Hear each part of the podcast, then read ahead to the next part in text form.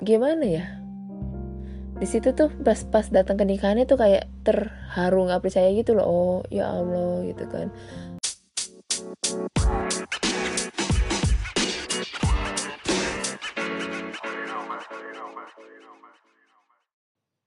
Assalamualaikum.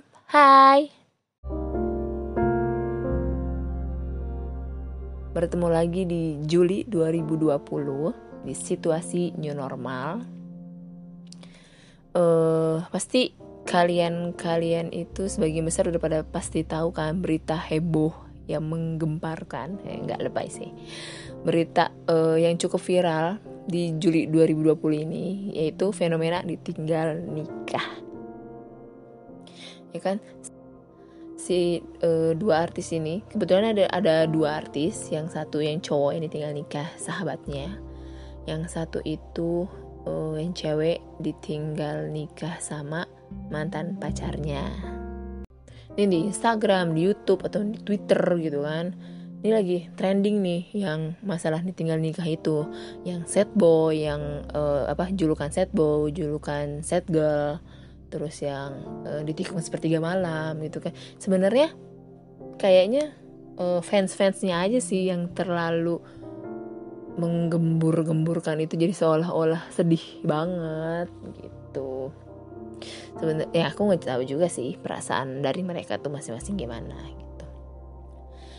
Aku punya cerita di sini aku juga pernah uh, ngalamin yang namanya tuh um, ditinggal nikah itu sekitar tahun lupa tahun 2016 atau 2017 gitu.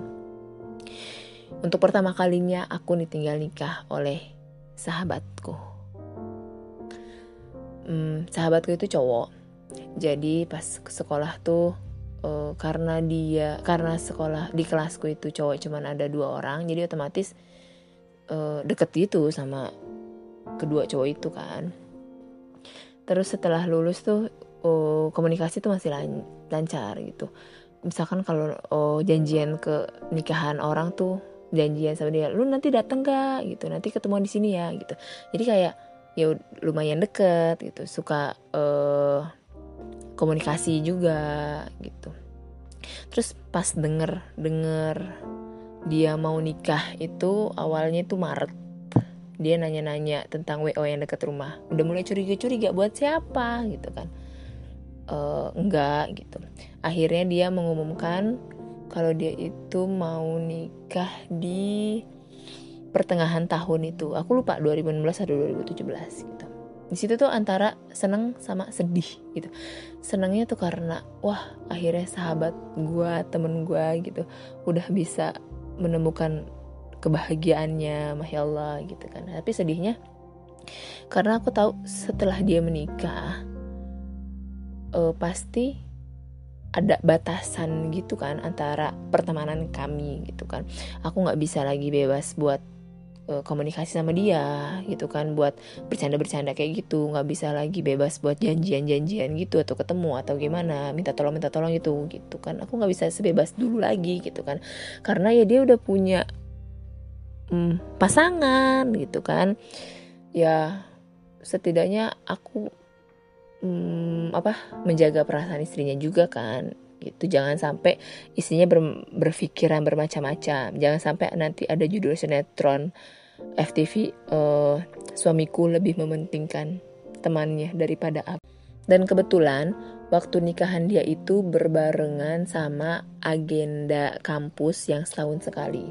Yang bisa dibilang tuh agenda kampus tuh yang uh, cukup dinantikan setiap tahunnya gitu kan. Jadi aku sampai bingung, aku ikut acara kampus atau kenikahan dia gitu kan. Sampai bingung sih tuh. Karena oh ya dua-duanya menurutku sama pentingnya gitu kan. Akhirnya aku memutuskan untuk datang ke nikahan dia ya gimana ya di situ tuh pas pas datang ke nikahannya tuh kayak terharu nggak percaya gitu loh. Oh ya allah gitu kan. Oh, ternyata nggak nyangka secepat ini dia menemukan cintanya gitu kan. Tapi tapi uh, sedihnya juga oh habis ini abis ini gue nggak bisa gini gini gini lagi nih sama dia. Ada batasan-batasan gitu gitu. Dan itu official pertama kali aku ditinggal nikah dan setelah setelahnya tuh hmm, ada temanku juga di tahun 2018 kalau nggak salah gitu. Jadi makin ke sini makin ke sini tuh ya ya udah udah mulai terbiasa. Tapi tetapi tetap ada sedihnya. Sedihnya tuh ya pasti ada batasan ya kan? Yang ya nggak? Pasti pasti ada batasan pasti ada perbedaan antara dia sebelum nikah sama dia setelah nikah gitu. Terus aku pernah denger juga hmm, apa podcast dari pasangan yang baru nikah gitu.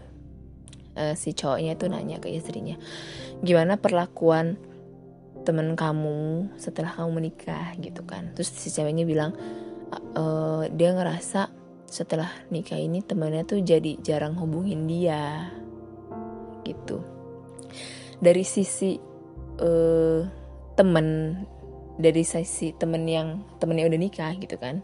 Aku juga uh, intensitas ngehubungin temenku yang udah nikah tuh jadi berkurang karena mikir uh, nanti ngeganggu ngeganggu waktu dia nanti malah ngerepotin dia gitu kan. Karena yang dia urus sekarang tuh ya bukan cuma diri dia sendiri kan ada ada pasangannya yang harus uh, dia urus ada tanggung jawab yang lebih besar gitu. Jadi emang setelah teman kita nikah tuh intensitas komunikasi kita sama dia tuh jadi berkurang. Bukan karena kita menghindar atau gimana ya karena ya tahu diri juga gitu. Jujur dari aku pribadi ditinggal nikah itu merupakan salah satu hal yang menyedihkan juga. Lebih tepatnya karena merasa kehilangan ya kan? Pasti pasti uh, akan merasa kehilangan. Apalagi kalau sebelumnya itu deket gitu. Setelah dia nikah tuh pasti akan ngerasa kehilangan gitu.